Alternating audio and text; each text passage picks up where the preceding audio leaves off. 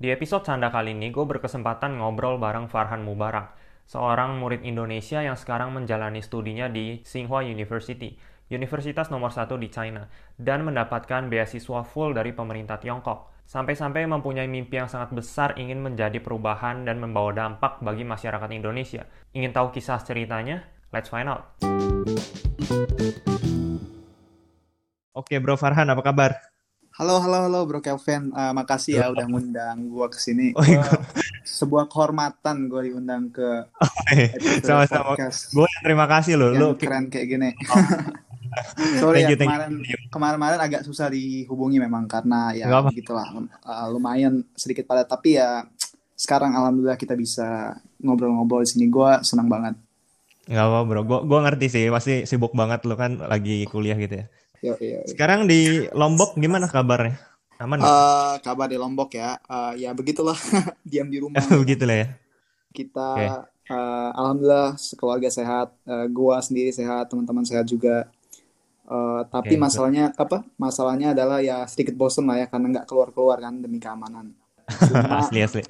Ya kita memperbanyak aktivitas yang produktif di rumah. Kalau misalnya gua nih sekarang lagi banyak ikut kayak ambil-ambil online course terus gue oh, iya, jadi sering course. lebih sering baca buku lah gitu pokoknya aktivitas-aktivitas di rumah mantap ya produktif ya tetap produktif ya Yoi, tetap produktif. Yoi. Nah, tadi gue udah sebutkan uh, di Lombok gitu. Lu boleh uh, perkenalan diri sebentar nggak, bro? Oh ya, boleh, boleh, boleh, boleh. Halo semua, halo penonton podcastnya Kelvin.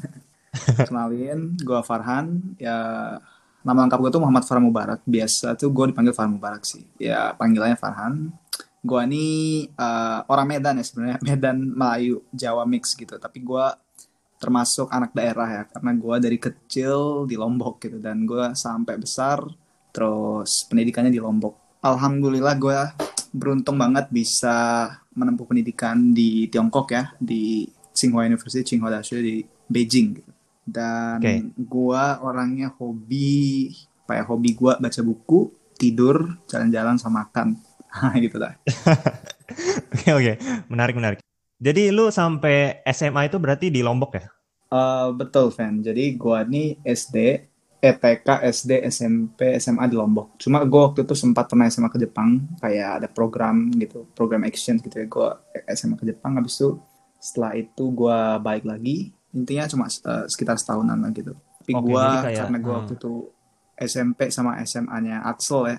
Jadi gua dua tahun dua tahun jadi ditambah setahun itu pas ke Jepang. Jadi ya lima tahun lah jadi gue kayak jadi kayak uh, pertukaran pelajar gitu loh ya ke Jepang ya? Oh betul betul. Ya itu waktu SMA okay. ya SMA nah gue uh, penasaran nih waktu SMA uh, lu suka apa sih kira-kira waktu SMA apa kalau udah misalnya waktu SMA udah tahu mau ambil jurusan apa atau mau melakukan apa gitu di masa depan? Udah oh, kepikir belum? oke okay, jadi gue nih ya gue tuh dari SD SMP orang nerdy banget. Kayak it's all about books, knowledge and something. Terus gue tuh SD SMP tuh uh, ikut olimpiade matematika terus-terusan. Mm-hmm. Cuma uh, gue tuh pas SMP pernah mengalami bullying ya dan ketika SMP tuh uh, ada orang yang kata-katanya ngena banget di hati gue dan ngebuat gue uh-huh. berubah pas SMA, berubah total pas SMA. Dia bilang gini, untuk apa lo jadi pinter? Ilmu itu lo nggak akan gun- ada gunanya nanti. Itu itu sangat-sangat membuat gue kayak sakit terpukul gitu gitu dan uh. ternyata setelah gue SMA dan gue melihat dunia lebih luas barulah gue ini sekarang kayak merasa oh ternyata dia salah gitu cuma waktu itu gue sang sangat down banget karena kata-kata itu mm-hmm. nah jadi, jadi waktu oh. itu gara-gara itu gara-gara itu gue akhirnya ketika masuk SMA gue give up olimpiade gue uh, matematika gue berhenti terus gue menjadi orang yang lebih ke aktif di organisasi waktu itu gue SMA ikut 11 exco jadi Senin itu gue sudah Iya, yeah, serius. Jadi uh, waktu SMA tuh gue sekolahnya dari jam uh, eh, 8 ya nggak salah 8 eh 7 7 ya di Indonesia 7 sampai jam uh, jam berapa? Jam 2. Nah, habis itu dari jam 2 sampai jam 4 tuh ada kumpul ekskul gitu. Dari jam 4 oh, sampai wow. jam 6 ada ekskul juga. Jadi setiap Senin tuh ada dua kumpul dua ekskul, Selasa dua, Rabu dua, Kamis dua. Wow. Jadi gue waktu itu uh, berpikir untuk explore diri lah, gue explore diri sebanyak mungkin. Gue tuh uh, kayak berpikir kal iya sih benar juga. Gue gue waktu itu benar-benar termakan kata-kata buruk dari orang itu loh. Jadi gue mm-hmm. gara-gara itu yang membuat gue apa berhenti olimpiade dan gue jadi explore banyak hal. Jadi gue banyak banget ikut ekskul dan salah satu yang menurut gue life changing adalah waktu gue de ikut debat bahasa Inggris gitu. Kira-kira oh, waktu itu apa yang ibaratnya melatar belakangi orang itu bisa ngomong seperti itu sama lo? Apakah dia iri aja atau Uh, menurut gue lebih ke karena iri ya. Karena waktu gue SMP gue anak Axel dan gue ikut Olimpiade dan gue banyak prestasinya banget waktu itu. Dan hmm, okay, itu ada konflik konflik banget yang itu. Dan dia itu ngucapin kata-kata itu. Dan bukan dia sih satu geng itu ngucapin kata-kata dan itu benar-benar membekas di hati hmm. gue dan hmm. itu benar-benar buat gue sakit sampai sekarang bahkan. Nah um, kenapa lo mau kuliah ke luar negeri bro? Kenapa gue mau kuliah ke luar negeri? Iya. Pertanyaan ini jawabannya uh, panjang sih ya menurut gue. Karena ini kisahnya ini kisah dari kecil gitu dari kecil. Jadi ya oke. okay. kalau gue sih pribadi karena ngerasa orang tua gue nih kebetulan adalah dua-duanya pendi uh, pendidik ya. Mm-hmm.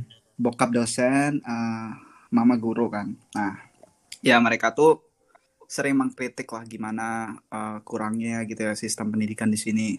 Dan mereka mengikuti sistem yang ada di sini makanya itu yang ngebuat mereka tuh ngerasa kalau gue sebaiknya di luar negeri aja kuliahnya supaya dapat pendidikan yang lebih bagus. Dan itu gue tahu itu dari kecil sih. Jadi gue itu cita-cita gue dari kecil karena itu. Latar belakang awalnya itu karena itu. Cuma semakin gue uh, dewasa ya gue tuh merasa kalau gue keluar negeri banyak hal yang gue bisa explore dan banyak hal yang gue nggak bisa tahu di Indonesia doang. Banyak hal yang gue bisa lihat dari luar gitu ya kayak ibarat lo lihat Indonesia dari dalam Indonesia sama lihat dari luar Indonesia bakal beda banget gitu. Dan lo bakal punya pandangan yang lebih luas terhadap banyak hal. Itulah yang membuat gue pingin. Dan itu itu membuat gue pingin selain karena uh, tingkat edukasinya yang lebih bagus. Kita bisa bilang kalau uh, tingkat edukasi di Indonesia lumayan bagus ya. Tapi kalau ada yang lebih bagus lagi di luar negeri why not? Dan kalau di Indonesia kita nggak bisa dapat pengalaman baru nggak bisa dapat teman baru nggak bisa dapat insight baru, nggak bisa dapat pandangan yang baru ya, mending kita keluar negeri gitu kan. Jadi itu alasannya. Gue mau nanya kenapa China, kenapa Tiongkok? Kenapa Tiongkok? Oke, okay, sebenarnya uh, kalau ngomong kenapa Tiongkok tuh sebenarnya kita nggak bakal bisa satu podcast gitu ya, karena Tiongkok tuh menurut saya pribadi negara, yeah, yeah. gue negara yang keren ya. Tiongkok, yeah, Tiongkok betul. tuh menurut gue pribadi negara keren banget pertama yang kenapa keren tuh menurut gue karena uh, pertumbuhannya ya pertumbuhan ekonominya sangat gila gitu ya. Dari yang dia mungkin merdekanya itu mirip-mirip sama kita sama Korea hampir-hampir mirip tahunnya. Hmm. sampai menjadi negara superpower kedua maksudnya negara terkuat kedua di dunia gitu di bawah Amerika. Hanya dalam uh, berapa tahun? 70-an tahun gitu. Yeah. itu berarti sementara mereka tuh kan uh, negaranya luas gitu dan banyak penduduknya. Itu harusnya memberi banyak masalah gitu kan tapi malah mereka tuh bagus mereka bisa lebih hebat gitu dibanding kita. Sementara kita udah bertahun-tahun masih aja kayak gini gitu kan. Terus kalau gue sih uh, pribadi milih Tiongkok karena gue itu uh, lebih merasa kalau jurusan gue ini bakal bagus banget kalau gue ambil di Tiongkok. Karena gue kan ngambilnya jurusan Energy and Power Engineering. Sementara Tiongkok itu adalah salah satu negara yang lagi rising yang lagi hebat-hebatnya ngembangin uh, teknologi renewable energy-nya gitu jadi harapan gue adalah gue ikut take part gitu ya di perkembangan renewable energy di Tiongkok ini sehingga nanti uh, ke depannya gue bisa apply gitu, gue bisa uh, buat kayak gitu juga di Indonesia. Itu yang alasan kedua atau yang pertama lah itu ya. Nah, terus alasan selanjutnya adalah karena ya gue rasa Tiongkok ya Cina ya menurut gue tuh negara yang menarik gitu karena pertama sejarahnya panjang terus budayanya unik plus dia pakai bahasa Mandarin gitu kan. Jadi gue rasa kalau gue ke Tiongkok ya banyak banget pengalaman yang bisa gue dapat pertama gue bisa merasakan apa namanya kayak dunia yang berbeda gitu dunia yang jauh berbeda gitu. Karena kayak misalnya Tiongkok kan dia ngeblok internet gitu. Jadi internet di Tiongkok tuh udah total beda gitu. Karena kita nggak pakai Google kita nggak pakai apa apa gitu ya. Pakai yang service Cina total 100% jadi udah different world lah istilahnya kalau dari segi internet. Nah, gue tuh pengen experience, gue pengen mengalami dunia yang berbeda itu. Uh, terus juga budayanya banyak di sana, budayanya bagus, banyak hal-hal seru yang bisa kita coba. Terus alasan keempat itu bahasa Mandarin ya, bahasa. Gue tuh orang pribadi sih, gue orangnya suka belajar bahasa gitu, suka belajar hal-hal baru. Jadi gue merasa kalau belajar Mandarin itu uh, sesuai sama hobi gue belajar bahasa baru belajar bahasa Mandarin ya bagus gitu bermanfaat untuk masa depan. Karena pertama bahasa Mandarin adalah bahasa yang paling banyak digunakan di dunia ya nomor satu. Mhm. dan bahasa Mandarin termasuk bahasa internasional di PBB terus sekarang lagi rising risingnya perusahaan Cina di mana-mana. Asli. Uh, jadi ya not bad gitu. Bagus bagus aja belajar bahasa Mandarin. Terus ketika belajar bahasa Mandarin itu kan berarti at the same time bakalan belajar tentang uh, budaya Tionghoa gitu ya. Dan menurut gue belajar tentang Hmm. budaya orang lain tuh bagus karena dengan kita mempelajari budaya itu kita mengerti mereka ya kita bisa semakin memahami orang gitu. Dan kalau orang-orang saling memahami itu kita pasti uh, dunia bakal damai. Nggak ada misunderstanding. Gitu. Oke. kalau itu alasan keempat. Alasan kelima apa ya? Sebenarnya banyak banget gitu alasan gue ke Tiongkok Uh, selain Iya. ceweknya cantik selain ceweknya cantik itu alasan-alasannya. Nah, emang lu dari awal pengen ke China apa ada, tadinya ada pilihan lain juga gitu selain oh China? iya jadi gue tuh uh, ambisinya waktu itu gue tuh ke empat negara sih waktu itu Uh, Jepang Oke. Cina terus Amerika sama Inggris gitu Oke. Uh-uh. Nah waktu itu kok gue kan baru balik dari Jepang waktu itu baru balik dari Jepang terus gue tuh Aha. ambil ujian nasional nah gue waktu itu udah nggak niat kuliah di Indonesia gitu gue udah persiapan ke luar negeri nah tapi eh, ketika itu kalau nggak salah timeline itu adalah tahun itu tahun 2017 ya 2017 bulan bulan Mei gitu ya. Bulan Mei itu gue baru balik banget dari Jepang dan gue masih banyak belum ingat pelajaran-pelajaran dan masih banyak lupa lah ya. Jadi waktu itu langsung ada tes kampus bulan Juli gitu ya bulan Juli. Dan alhasil gue nggak lolos. Gue waktu itu aim ke ini ke aim ke Tokyo Institute of Technology itu kampus top 4 di Jepang lah ya. Waktu itu gue aim ke situ dan gue nggak lolos kenapa? Karena gue waktu itu persiapannya kurang gitu. Karena gue eh, apa masih banyak lupa sama pelajaran-pelajaran. Akhirnya gue belajar dan gue aim lebih tinggi lagi. Gue aim ke Harvard gue aim ke uh, kampus top di Amerika dan gue aim ke kampus top di Amerika Inggris sama di Tiongkok gitu. Karena gue rasa empat negara yang gue target tuh emang negara yang menarik gitu. Nah waktu itu gue daftar lah ya. Daftar ke Tsinghua terus daftar ke sama ke daftar ke beasiswa pemerintah Tiongkok gitu waktu itu gue mau lagi gue waktu eh, lagi apa gue waktu daftar itu sambil mempersiapkan diri untuk daftar ke yang Inggris sama ke Amerika. Tapi ternyata gue malah keterima gitu ya. Gue gue keterima terus gue udah males gitu ya ngurusin pendaftaran pendaftaran kampus. Terus eh, waktu itu gue mikirnya eh, dari empat inilah salah satu yang dapat gue ambil ya gitu. Dan ternyata gue dapet Tiongkok dan Tiongkoknya di Tsinghua. Why not gitu udah bagus banget. Terus it's China man. China itu sangat menurut gue is the future jadi ya udah gue pilih itu dan gue ya akhirnya sekarang gue kuliah di Cina dan gue lagi balik di Indonesia sekarang gara-gara corona Eh, lu kan tadi ngomong target ke empat negara kan? Mm-mm. Nah, which is setiap negara itu pasti requirement-nya berbeda-beda kan untuk apply ke university-nya. betul betul Nah, lu prepare gimana itu? Apakah tekniknya atau santai aja? Wah, wah, wah, wah, wah. Kalau gue waktu itu masa-masa inget, mengingat masa-masa itu ya, gue tuh kayak betul-betul ambis, terus gue panik. Gue nggak panik, gue nggak panik. Gue tuh lebih ke kayak gimana ya? Lebih ke punya ambisi dan gue lebih tenang gitu. Gue gue nggak bilang ke siapa-siapa, gue nggak apa core core ke sana kemari, gue diem aja, gue fokus sama persiapan dan gue itu betul-betul berniat waktu itu setelah gue di Tsinghua barulah gue core-core tentang apa yang udah gue apa namanya yang gue dapatkan. Jadi gue kayak betul-betul work in silence gitu benar-benar kerja dalam Oke. diam. Nah persiapannya waktu itu jadi kalau daftar universitas di luar negeri ya lihat ini lah lihat persyaratan masing-masing universitas kan.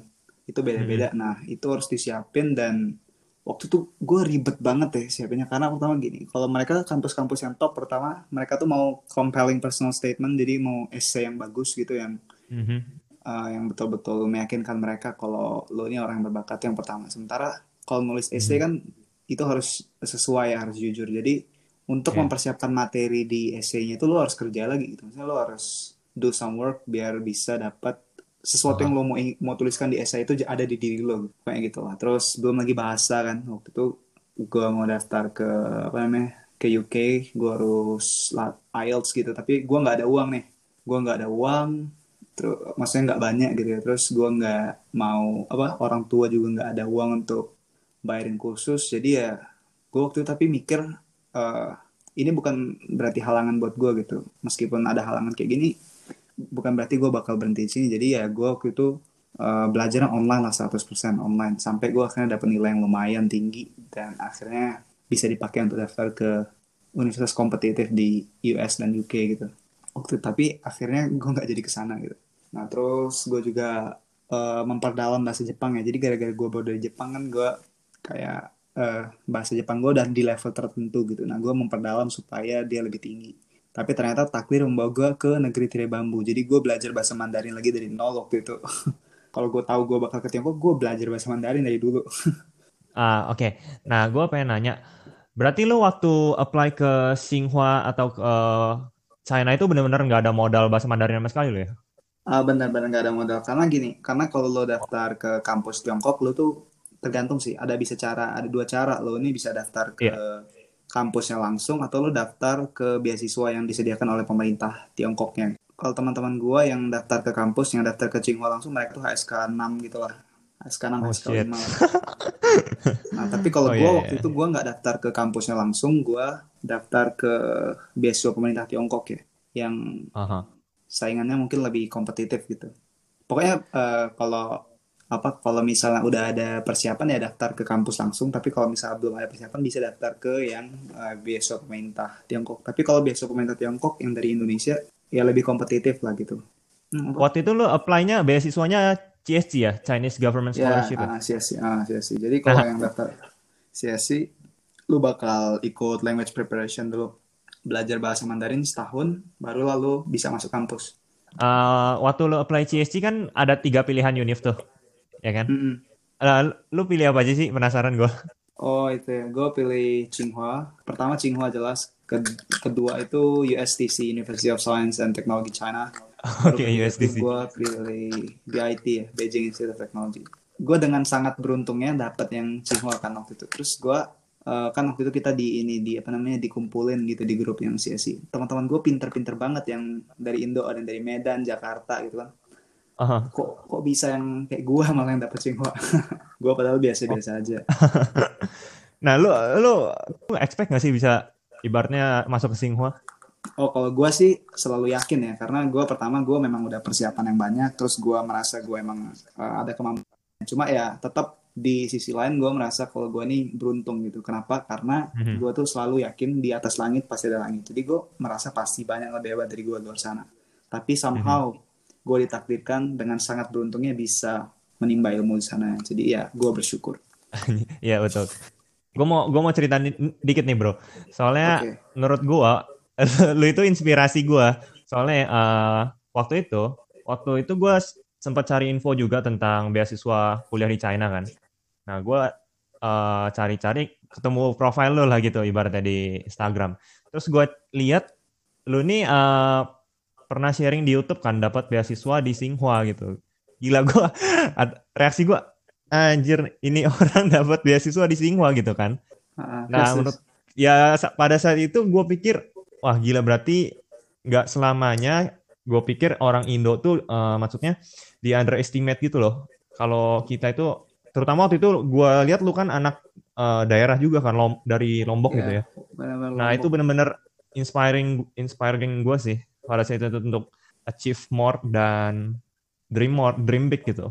Nah pada saat itu gue mulai bermimpi untuk lebih besar sih, untuk apply apply ke uh, univ besar juga di China. Waktu itu lu benar-benar menginspirasi gue sih, soalnya kayak ya Singhua bro gitu. Waduh, okay. waduh, waduh. Suatu kehormatan ya Pak, uh, orang yang biasa-biasa aja kayak gue nih. soalnya gue tau lah, apply ke China itu susah sih, apalagi lu langsung direct ke university-nya itu lewat interview segala macam itu lumayan text time lah, lumayan uh, harus beruang effort gitu ya. Betul betul okay. itu ada interview lagi ada ini dan itu lah. Nah gue mau nanya uh, bro, reaksi pertama lu bisa masuk Singhua gitu, lu pertama kali dengar lu masuk Singhua, reaksi lu apa? Gimana? Pas pertama kali nerima ini ya, nerima apa surat penerimaannya. Itu kapan ya? Kapan ya gue dapet tuh? Kok gue inget ya? Waktu itu nggak salah Oh iya iya gue ingat gue ingat gue ingat gue ingat gue ingat gue ingat. Oh my god, ini waktu ini ya nih. Jadi 2018 ya nggak salah ya. 2000 gue kan apply ke beasiswa CSC yang di teman dari Kedubes itu 2017. Nah 2018 ini itu kita dikabari kalau kita memang diterima sama pemerintah Tiongkok, diterima sama dubes gitu ya. Tapi masalahnya adalah kita nggak tahu kita tuh masuk kampus yang mana gitu. Dari tiga tuh kita kampus yang mana kita nggak tahu.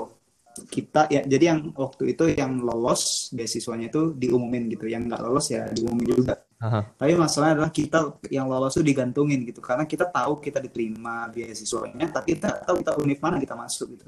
Kalau nggak salah Ah. waktu itu digantungin dari bulan Februari sampai bulan Juli deh. Sumpah tuh- sih. ya gue tuh sampai pak daftar ke mana gue lagi daftar ke mana aduh gue berharap dapet Tsinghua gue apa namanya nggak tahu deh gue daftar ke mana mau Tsinghua mau USTC atau mau BIT gitu ya gue mana-mana aja deh tapi gue waktu itu dalam hati gue sih gue rasa ya kalau Tsinghua tembus buat gue nah, Aha. itu waktu itu pertama kali reaksi gue tuh gue dapet ini kan dapet email dari Tsinghua kan malah gue Iya.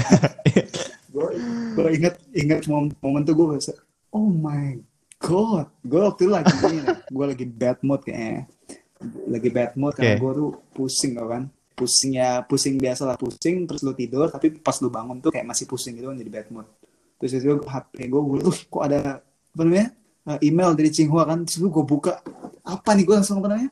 Yang tadi gue bad mood tuh yang gue liat notif dari HP ada Gmail Tsinghua gitu gue langsung kayak wah kayaknya ada sesuatu yang keren kayak langsung gue langsung bangkit gue tapi masih masih bad mood gue pas gue liat uh, congratulations wow gue langsung kayak gue yang lagi di kamar langsung keluar langsung papa mau wali dapat dapat ini ini ini seneng banget bersyukur banget. Gue kayak oh my god. Gue keterima gue gue seneng banget itu parah banget. Gue kaget karena gue belum kuliah di kampusnya karena Singhua masih nerima gue secara kondisional ya gue harus oh, apa SK6 waktu itu SK5 uh, terus gue harus uh, lulus tes apa namanya tes dari beasiswanya tes akademik beasiswanya terus gue harus lulus interview dari Singhua-nya langsung itu banyak Oke. banget gitu jadi gue gue anggap oke gue keterima tapi ya udahlah gue belum 100% keterima gitu jadi gue harus tetap semangat dan setelah Oh, masuk kampus oke. Singhua tuh baru gue kayak bener-bener norak banget gitu wih gue keliling-keliling kampus gue coba semua semuanya gue di Instagram kan weh Kayak Iya iya. iya. senang banget gitu. Tapi ya itu sih. Waktu itu kalau nggak salah benar-benar uh, digantungin banget ya itu. Itu nyesel gue nggak belajar Mandarin pas itu. Karena emang di Lombok nih nyari guru Mandarin pun susah. Eh, setelah itu gue pengen nanya re- impresi lu pertama nginjek Tsinghua University gimana bro? wah impresi ya. Gue ingat-ingat dulu. Oke jadi waktu itu gue baru balik dari Lombok ya. Dari Lombok gue ke Beijing. Mhm. waktu itu summer ya. Impresi gue tuh kayak ini kampus luas banget deh. Gue harus tenteng bareng gue dari pintu depannya itu pintu selatan sampai ujung di dormnya itu gila banget itu. Terus Oke. gue masih belum banyak impresi apa apa sih ya waktu itu ya. Tapi gue tuh mulai banyak impresi itu pas gue sudah mungkin mulai orientasi ya. Karena gue seingat gue pas gue awal nyampe tuh gue nggak ini gue nggak langsung keliling kampus. Gue malah main-main dulu di sekitar sana di daerah sana gue malah nge-mall macam-macam sama teman-teman kan. Gue kayak mengakrabkan diri gue dulu gitu. Tapi setelah gue tahu kampus gue baru udah lihat kayak banyak lab-lab mereka yang keren terus research center terus fasilitas-fasilitas yang besar gitu ya. Sama perpustakaannya pun gila banget tuh semuanya ada banyak banget bagus fasilitas terus gue kayak wow banget gue kayak merasa beruntung banget ya dapat keistimewaan lah bisa uh, menuntut ilmu di sini ya. Gue impresinya kayak gitu lah gitu Masa orientasi di Tsinghua itu berapa lama sih? Eh, orientasi kan kalau yang anak Cina anak apa namanya Dalu Dalu Seng itu kan dia ada Junsun kan nah Iya. Hmm. kalau kami yang ini yang internasional tuh kami nggak berenang deh kami berenang keliling-keliling kampus sama kami ada kelas matematika gitu ya untuk siapin diri sama matematika dengan Chinese gitu. Oke. Jadi kami tuh orientasinya tuh bener-bener nggak ada apa-apa gitu. Kami kayak ya udah kami keliling-keliling aja lah. Terus kayak orang anak hilang kan nge-mall. kami tuh malah pas orientasi itu banyak nge-mall gitu karena kami tahu ketika kami masuk kuliah ntar kami nggak bisa gini sering-sering. Oke. Pertama kali lo eh, belajar di Tsinghua gitu ya. Beradaptasinya susah nggak sih bro? Kuliah di China? kuliah di China apa di Tsinghua nih? Nah kalau kuliah di China dulu deh. eh gua kuliah di China tuh mungkin jawaban gue agak eh, agak jawaban gue kurang bagus karena gue kan cuma pernah kuliah di satu kampus jadi gue nggak tahu kalau kampus yang lain itu bagaimana. Jadi jadi Mhm. eh, menurut gue kalau anak-anak di Cina ya itu menurut gue mereka parah sih. Mereka tuh kerja kerasnya tuh gila gila. Terus mereka tuh gue rasa mereka jenius banget. Jenius. Terus kerja Oke. kerasnya rajin gitu. Terus mereka tuh menurut gue nggak hanya bagus dari etika pun mereka bagus banget sifat mereka tuh sangat bagus cuma menurut gue yang kurang dari mereka adalah keseruan ya Oh, sama sosialnya ya. Iya, untung jurusan sih ya. Tapi kalau gue gue kan di teknik ya, teman-teman gue di teknik menurut gue kurang seru sih. kayak Oh, oke. lu lu nggak apa lu nggak kayak nggak banyak main gitu. Terus Aha. apa? Kreativitas mungkin masih kurang menurut gue. Kreativitas. Ah, Oke. oke. Menarik, menarik. Itu sih. Kalau misalnya beradaptasi kuliah di Tsinghua, susah nggak menurut lo? Uh, menurut gue susah karena nilai gue nggak bagus-bagus amat ya. Pertama gini, karena kuliah di China in general, pertama apa ya? Pertama kuliah di China in general memang lumayan susah gitu. Teman-teman gue yang nggak di Tsinghua, nggak di Tsinghua itu mereka kelasnya dipisah gitu ya, lokal sama lokal, Chinese dalu sama dalu, Mhm. yang lain lain, terus yang internasional internasional. Sementara di Tsinghua tuh gabung semua ya. Jadi Ya. Gue pas pertama kali masuk tuh gue kaget banget orang kok kelasnya secepat ini terus sebanyak ini gitu dalam satu hari. Gue langsung mau ada gitu kepalanya gue kayak gue kayak what? Oke. ini gue kayak gini biasanya gue belajar sebulan nih kok satu pertemuan sih. Kontennya banyak banget konten pelajari itu banyak dan Hmm, oke. kalau misalnya lu belajar matematika kayak kalkulusnya itu proofingnya proof proofnya itu banyak banget. Padahal sebenarnya eh, kalau lu bukan anak matematika murni misalnya lu nggak terlalu perlu banyak proof proof sebanyak itu tapi ini mereka banyak gitu proof proofnya jadi dan itu sebenarnya membuat nilai gua hancur bukan hancur sih maksudnya kurang kurang maksimal lah kalau di Indonesia kita lebih terbiasa pakai rumus ya rumus langsung pakai jadi Iya. kalau Hmm. mere- mereka mereka tuh betul dari akar dan harus pembuktian-pembuktian banyak banget ya gitu. Emang dari sistem edukasi dari kita juga udah beda gitu ya sama sistem edukasi mereka kan. Ya maksud gua dari level kita tingkat pendidikan edukasi kita aja memang udah beda gitu dari mereka kan. Mungkin agak sulit buat kita untuk beradaptasi. Betul betul, Ah. terutama eh, itu. Jadi kalau belajar ininya belajar kurikulumnya doang itu pun udah sulit ya. Tapi ini ditambah dengan kompetitif apa kompetisi kompetitiveness dari mereka itu yang membuat itu semua jadi tambah sulit. Ketiga mungkin masalah bahasa ya. Bayangin kita mungkin eh, belajar bahasa Inggris dari SD atau SMP ketika kita kuliah bahasa Inggris belum tentu kita bisa eh, ngerti semua gitu. Nah, gua belajar bahasa Mandarin cuma 9 bulan ya gitu. Cuma 9 bulan ya makanya gue tuh Wow. masalah sih. Di apa namanya, memahami terutama istilah-istilah ya. Kalau bela- paham Mandarin in general mungkin nggak terlalu masalah. Tapi kalau misalnya udah kita udah kena group project gitu ya. Terus Mhm. harus diskusi, harus apa namanya? presentasi ide. Terus kita juga Mhm. misalnya harus kita belajar kimia gitu ya. Ki- kimia sistem penamaan unsur-unsurnya mungkin beda gitu. Terus, Oh iya, shit.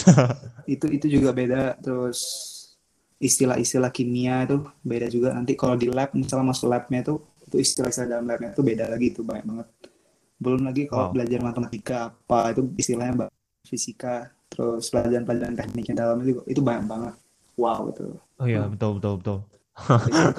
Ibaratnya belajar Mandarin kosakata sehari-hari aja udah pusing ya, apalagi kosakata untuk itu matematika, Ya, fisika, itu, kimia ya. betul, betul, betul. Oke. jadi Eh, lu tadi bilang ambil jurusan apa, bro? energy and power engineering Oke, itu kalau gue boleh tanya belajarnya apa aja sih kira-kira garis besarnya? dari basic science lah ya basic science matematika fisika kimia Hmm? Terus eh, lu belajar tentang thermodynamics, fisika termal. Eh, intinya di jurusan itu adalah lu bagaimana lu mengolah eh, energi gitu, energi, mengolah energi. Oke, Misalnya kayak nanti lu juga bela- belajar ini, belajar kayak di bagian coal, di bagian kayak tambang batu bara gimana di apa Mhm. tempat produksi listrik yang menggunakan batu bara gimana gitu. Terus lu belajar juga tentang di nuklir apa namanya? di tempat nuklir gitu. Terus Ya, eh, oke. renewable eh, misalnya kayak apa ya? eh, in general kayak gitu. Belajar Oke, tentang berarti hal kayak gitu. pokoknya yang berbau-bau energi lah ya. Betul betul. Oke, kayaknya gue sering lihat lu ngoding juga deh. Emang emang belajar ngoding juga di jurusan itu? Entah kenapa ya, gua, eh, mereka kayak pingin mahasiswanya bisa jago ngoding ya. Cuma kalau gue Oke. pribadi sih, gue ping apa ya? Gue merasa uh, computer science itu bukan sesuatu yang merupakan sesuatu yang hanya bisa dikuasai yang hanya dikuasai oleh anak IT aja. Tapi itu merupakan alat yang bisa digunakan untuk leverage everything. Misalnya kayak machine learning atau deep learning gitu ya. Iya. Untuk supaya risetnya lebih efektif gitu. Bisa pakai itu gitu. Jadi jadi yang diajarin di Tsinghua itu ngoding basic apa benar-benar sampai detail gitu sampai basic, OP basic. atau segala macam gitu? Uh, atau basic, basic doang, ya? basic doang. Tapi gini, tapi kalau di Singwa tuh yang paling gue suka tuh sistem milik kelasnya. Jadi lo bisa ngambil kelas yang nggak ada di jurusan lo.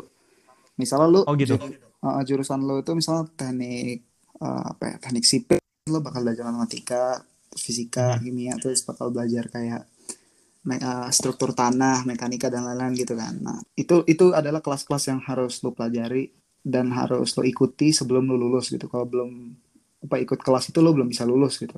Nah tapi okay. di Singhua lo bisa bisa ngambil kelas yang di luar kelas-kelas yang lo disuruh itu gitu. Jadi lo bisa hmm. ngambil kelas ekonomi misalnya introduction to marketing bisa juga atau kelas-kelas okay. apa yang lain-lain yang di luar jurusan lo gitu. Tapi ya nilainya lo tanggung sendiri. Maksudnya kalau lo apa namanya ngambil kelas yang di luar jurusan lo, lo dapat nilai tapi itu bukan ini apa itu nggak dihitung dari SKS gitu. Jadi lo ya ngorbanin oh, waktu okay. lo untuk belajar hal yang nggak nggak apa namanya nggak menambah nilai lo gitu tapi kalau gue okay. why not gitu justru itu adalah kesempatan yang bagus untuk kita uh, membuka wawasan kita lebih lebih luas ya gue bahkan mm -hmm. semester 2 ini yang online ini gue banyak ngambil kelas-kelas yang nggak ada hubungannya sama jurusan gue gue ngambil marketing management gue ngambil mm -hmm. public relation and strategic communication gue ngambil industrial production gue ngambil total empat kelas yang di luar jurusan wajib apa kelas wajib gue jadi kelas gue tuh wow. kalau nggak salah di semester 2 ini ada 14 14 atau 13 wow. Jadi total ininya SKS-nya tuh 32 wow. Nah lu untuk cara bagi waktunya nggak uh, susah bro? Waduh uh, menurut gue ya kalau bagi-bagi waktu itu menurut gue lebih ke habit lebih ke disiplin ya. Jadi kalau misalnya lo ya. ngikutin yeah. cara bagi waktu gue belum tentu bisa uh, cocok sama lo pribadi, gaya lo pribadi. Karena kita uh, besar di environment yang berbeda dan di gaya hidup yang hmm. beda gitu. Jadi yeah. yang paling paling bagus menurut gue adalah menumbuhkan disiplin ya di diri kita. Disiplin hmm. supaya kita tuh tetap bisa bertanggung jawab dan mengikuti semuanya dengan maksimal. Dan kita tuh harus kayak tahu the fun of the joy of learning gitu. Misalnya kayak yeah. belajar ini untuk apa gitu. Kalau gue dulu belajar, misalnya gue belajar pas di SMA ya Mm-hmm. gara-gara gue dibully itu gue jadi mikir gitu untuk apa gue belajar ini untuk apa gue belajar ini untuk apa gue belajar, ini dan guru-guru di SMA waktu itu tidak berhasil membuat gue terinspirasi dengan yeah. ilmu yang dipelajari gitu jadi yeah, betul. gue waktu itu mereka guru-guru gue sangat baik dan sangat mengajarkan apa mengajarkan gue dengan sangat baik ketika di SMA yang mereka belum berhasil adalah untuk menginspirasi gue jadi supaya jadi sangat fanatik gitu dan sangat mencintai. Soal kayak fisika gitu ya fisika uh, boring banyak rumus gini-gini. Tapi kalau misalnya yeah, yeah. gurunya bisa menginspirasi lu pasti lu pasti mikirnya kayak wah ternyata hal-hal uh, sederhana ini lu bisa aplikasikan di banyak hal yang keren nanti gitu. Jadi lu harus uh. belajar yang dasar kayak gini supaya asik gitu.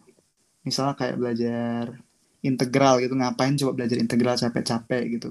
Yeah. harus apa sementara pas gue sampai di Singapura gue baru guys tau deh dengan ini nih lo bisa menghitung banyak gitu untuk membuat hal kayak yeah. nah itu yang membuat gue jadi kayak wow ternyata selama ini kenapa gue nggak pernah tahu ya di SMA kalau gue tahu ini di SMA pasti gue bakalan lebih semangat dan gue lebih bakalan lebih belajar di luar waktu sekolah gue gitu. Jadi waktu SMA gue ngerasa kayak gue belajar terpaksa banget sementara hmm. gue setelah gue masuk kampus sekarang gue merasa betul-betul gue bahagia belajar ketika gue belajar tuh bukan berarti gue tuh merasa tersiksa dengan bertambahnya informasi yang ke otak gue justru gue merasa Enjoy. diri gue tumbuh menjadi individu yang lebih baik dari sebelumnya dengan masuknya il apa informasi dan ilmu-ilmu yang masuk ke diri gue gitu. makanya gue jadi banyak ambil kelas bahkan yang nggak ada di jurusan gue itu nambah beban banget loh itu beban banget tuh kelas karena waktu istirahat gue jadi terganggu ya gara-gara banyak kelas tuh cuma ya itulah kita kan nggak akan tahu ya kita bakal ke mana dan kita nggak akan tahu masa yeah. depan tuh jadi bagaimana ya karena teknologi yeah. sekarang kan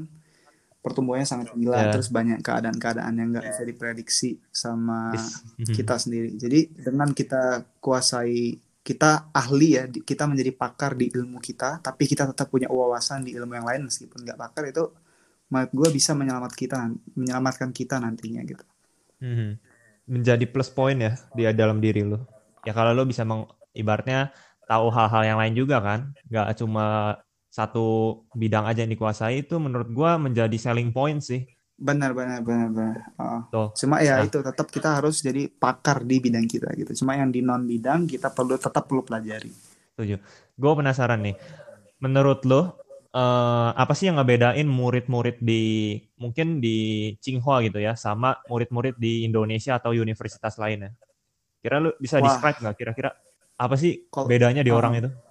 kalau ini gue nggak bisa ini ya gue nggak bisa describe karena pertama gue nggak bisa men- mengeneralisasi orang gitu karena orang tuh beda-beda ada yang rajin ada yang kurang rajin uh, Mhm. ada yang tipenya kayak gini ada yang tipenya kayak gini tapi kalau lo mau bertanya perbedaan mungkin menurut gue lebih ke perbedaan budaya kali ya perbedaan budaya mungkin lebih inilah lebih bagus pertanyaan daripada perbedaan mahasiswanya gitu tapi kalau budaya in general gue merasa kalau di gue di Tsinghua gitu ya gue sedikit sedikit kayak kegiatan-kegiatan kepanitiaan kepanitiaan gitu Oke. kegiatan-kegiatan pe- kepanitiaan itu eh, nggak terlalu banyak dan nggak seheboh yang di Indonesia. Jadi teman-teman gue gue lihat yang kuliah di Indonesia kok terus jadi panitia di sana di sini cari-cari danus dan lain-lain tuh Mhm. banyak banget. Sementara kalau kami itu lebih fokus ke belajar gitu. Kami nggak ada terlalu banyak kayak gitu. Oke, jadi organisasi-organisasi itu lebih sedikit lah ya. organisasi-organisasi lebih sedikit tapi uh, ada gitu. Dan mereka tuh organisasinya organisasi yang besar yang serius gitu loh. kayak organisasi-organisasi kecil-kecil gitu yang kayak kepanitiaan-kepanitiaan kegiatan-kegiatan kurang jelas gitu mereka nggak ada gitu. Oh, oke. Di- diminimalisir gitu kalau mau pengalaman organisasi ya langsung langsung pengalaman organisasi yang besar gitu Oke. kayak gitu bagusnya itu budaya ya terus apa lagi ya Kalau kalau dari Eh, segi mindset, Bro, kira-kira mindset Ah. ya Hmm, soalnya gue tahu nih, pasti kalau orang-orang yang anak-anak yang bisa masuk Tsinghua itu mindsetnya ya udah growth mindset lah, pasti kan. menurut gua nggak juga ya juga. karena Oke. banyak dari nggak karena banyak dari mereka yang dari kecil tuh di force supaya belajar gitu ya Oke. sehingga mereka jadi tur menurut nurut nurut aja gitu tapi yang gue lihat dari temen-temen gue di semua tuh mereka adalah mindset perfect gitu perfectionist dan Mhm. mereka tuh ingin kesempurnaan di seg- segala hal gitu dan mereka tuh betul-betul mengerjakan sesuatu tuh dengan sangat sempurna gitu Oke. mereka nggak mau kalau sekedar selesai aja mereka tuh 100% harus sempurna Oh. dan itulah yang menurut gue membuat teman-teman gue yang di kampus tuh hebat-hebat dan gila-gila semua tuh karena mereka tuh kayak gitu mindsetnya ngerjain sesuatu tuh sangat serius gitu loh meskipun Hmm. itu hal-hal kecil Effortful ya. effort eh, betul betul semua effort semua hal tuh jadi dia nggak nggak main-main gitu meskipun hal-hal kecil Oke. karena dia mereka tuh nganggap hal-hal kalau hal-hal kecil nggak bisa diselesaikan dengan sempurna gimana ngerjain hal-hal yang besar gitu Wow, wow, wow. Iya, iya, betul, betul. Wow. oh, eh, mungkin Mhm. anak-anak di Indonesia mungkin nggak semua ya, tapi rata-rata kan ya udahlah yang penting kumpul, yang penting jadi, tugasnya yang penting beres gitu ya. Mindset seperti itu. Wow, keren sih. Eh, menarik, menarik. Nah, kalau gua boleh tanya nih, Bro. Kira-kira ini mungkin eh, personal aja kali ya. Mimpi lo apa sih? What is your dream gitu? mimpi ya wah In general aja sih, general. kalau mimpi mimpi gue tuh ingin jadi orang yang bermanfaat Oke. dan membuat hal keren di dunia Mhm. Jadi ini pengalaman gue ya. Pengalaman gue, gue pernah ke pulau namanya di NTT, namanya itu Pulau Mesa. ya. Mhm. Pulau Mesa itu terletak di sangat jauh dari Labuan Bajo. Kamu, Oke. eh, lo tau Tahu, Labuan tahu. Bajo kan? Labuan Bajo itu Komodo, Iya, Pulau Pulau Komodo, Komodo. utama Ah. itu. Nah, jadi di pulau pusat apa pulau utama Labuan Bajo banyak dikelilingi pulau-pulau kecil gitu Mhm. yang terpencil gitu. Nah, ada satu pulau yang eh, terletaknya jauh gitu dari ini dari apa? Dari pulau pusat itu dan mereka sangat sulit dapat akses air tawar sama dapat akses electricity, dapat listrik susah Oke. karena mereka jauh dari Labuan Bajo gitu. Oke. Eh, waktu itu gue ke sana karena gue dapat proyek. Gue waktu itu ditugaskan jadi interpreter bahasa Jepang. Waktu itu bahasa Jepang gue masih lumayan lah, nggak kayak sekarang ya. Kalau sekarang gue kebanyakan Mandarin. Iya, iya. jadi waktu itu gue tugasin itu di sana nah terus kalau nggak salah itu joint project ya jadi ada investor dari Indonesia yang mau eh, ngebuat proyek di sana jadi eh, investor yang dari Indonesia ngasih solusi gitu ya supaya uh, di Pulau Mesa ini dibangun uh, solar panel Oke. dan mesin air gitu. Jadi yang investor Indonesia bawa dua orang, satu dari Cina, satu dari Jepang. Nah, yang dari Cina ini dia adalah pembuat solar panel, sementara dari Jepang ini membuat pompa air itu, Oh, oke. mesin air. Uh, jadi mesin air itu bakalan ngebuat air laut itu jadi air minum. Dan air minumnya itu bukan air bukan kayak air minum yang kacang-kacang yang Iya, iya. ecek-ecek gitu istilahnya. Tapi betul-betul air minum yang mungkin kemurnian airnya itu lebih bagus daripada aqua gitu. Mhm. Benar-benar Wow. uh, lebih bagus dari aqua airnya itu. Karena dia itu benar-benar apa namanya diproses sedemikian rupa sehingga air asin tuh jadi air minum gitu, bukan air tawar lagi. Mhm. Nah, itu mem- membutuhkan daya yang besar ya. Sementara eh, listrik di sana pun kurang. Jadi itulah dibuat solar panel yang ditempatkan di apa namanya di pulau itu di seluruh pulau supaya eh, bisa dapat listrik yang bisa nanti listriknya itu bisa digunakan untuk ngasih ini ngasih Energi. namanya kebutuhan listrik di rumah-rumah penduduk situ kan ada seri- ribuan pen- ribuan penduduk di sana. Oke. Terus listriknya bisa digunakan untuk nyalain mesin air itu. gitu. Mhm. Nah, jadi sistemnya kalau nggak salah waktu itu investor Indonesia ngebuat itu, sementara nanti masyarakat ngebayar uang iuran bulanan ke investor Indonesia itu yang kerjasama sama PDM dan PLN gitu. Jadi mereka itu yang semula bayar air dan bayar listrik yang misalnya sebulan tuh 15 juta, Wow. tapi bayar ke investor Indonesia cuma 5 juta doang kayak gitu. Jadi lebih murah, tapi dan mereka dapat yang lebih mudah lagi. Oke. Nah, waktu itu gue sangat terinspirasi dong ya. Gue meskipun waktu itu jadi penonton, gue tuh terinspirasi. Wow, Mhm. ternyata keren banget ya. Gue nggak pernah sadar ini gitu. Hanya lu mempelajari ilmu kimia gitu, lu bisa ngebuat air laut itu jadi air minum gitu. Mhm. Iya. Nah, waktu itu tuh gue gua berpikir, wah, gue kayaknya harus uh, ambil teknik nih. Karena gue uh, orangnya tuh imajinasinya liar ya. gue tuh waktu itu mikir kalau gue paham ilmu-ilmu alam ya, ilmu sains, dan gue paham ilmu engineering, gue bakal bisa ngebuat hal keren yang bisa membantu masyarakat gitu, yang mempermudah hidup masyarakat. Wow. Jadi kayak tadi itulah siapa yang menyangka lo yang ting yang hidupnya susah gara-gara tinggal di pulau yang jauh dari pulau utama, kesulitan listrik, kesulitan air, jadi mudah gara-gara uh, inovasi gitu, inovasi di bidang kayak gituan ya, di bidang Oke. sains dan teknologi. Lo bisa merubah hidup lo secara total. Mhm. Nah, gua itu pingin gitu juga. Gua pingin ngebuat dunia ini jadi lebih indah gitu, jadi lebih indah dan jadi lebih baru lagi Mhm. hal-hal yang sekarang hal-hal yang sekarang ada itu bisa dibuat menjadi lebih efektif lagi dan bisa lebih bagus lagi. Ini kalau lo baca dari uh, sejarah perkembangan zaman ya, Iya. kan mulai dari yang kita cuma pakai sepeda sampai sekarang kita tuh Mhm. apa yang mulai pakai sepeda, habis dari sepeda pakai dokar ya, habis dari dokar jadi motor, motor, mobil, Yap. mobil mungkin sekarang kereta api, terus hyperloop katanya sekarang Iya. kan. Elon Nah, Musk. itu kan dia itu bakalan kita itu bakalan terus tetap eh, lingkungan kita itu bakalan te- terus tetap berevolusi, Iya. Ya evolusi. bakal tetap berubah. Jadi semakin baik. Nah, gue mau jadi part of it gitu. Gue nggak hanya mau jadi penonton. Oke. Gue mau menjadi orang yang menciptakan solusi buat masyarakat, Wow. membuat solusi yang bermanfaat buat masyarakat. Dan beruntungnya adalah apa? Kita ini tinggal di Indonesia ya. Mhm. Indonesia ini negara yang banyak masalah. Iya betul.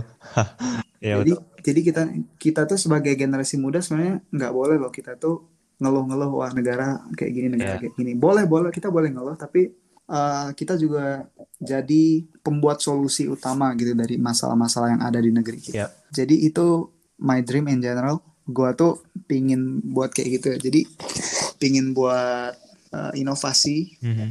pingin buat hal baru gitu tapi di bidang energi sepertinya. Awalnya gue ambil mechanical engineering tapi gue pindah ke energi. Menurut gue energi bakalan bisa lebih besar lagi lebih gede lagi apalagi kalau renewable bisa sustainable gitu ya Iya. Nah menurut gue emang renewable energy itu future nggak sih? Kayak sekarang batu bara, minyak, segala macam, oil itu kan ada batasnya ya. Pada hari tertentu itu bakal habis kan. In the future pasti kita butuh sebuah energi yang bisa di da- daur ulang gitu, kan renewable.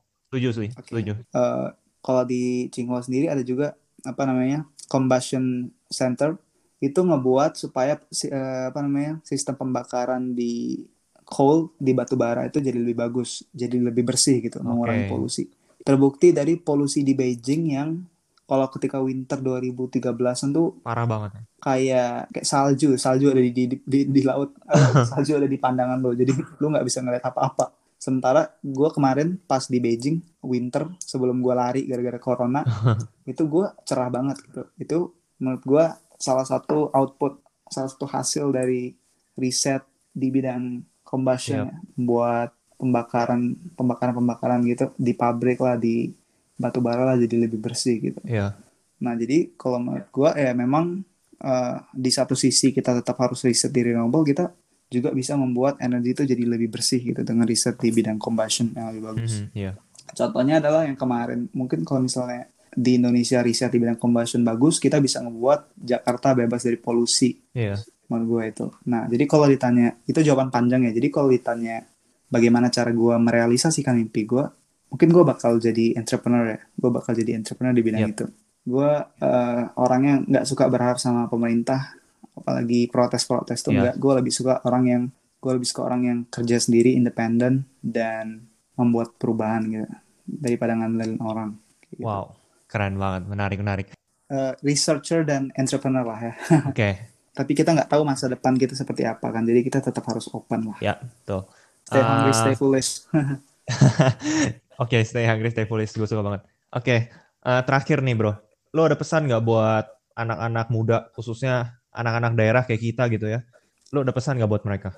Oke, jadi eh, buat teman-teman yang di daerah ya, yang senasib sama gue, gue dari Lombok kebetulan.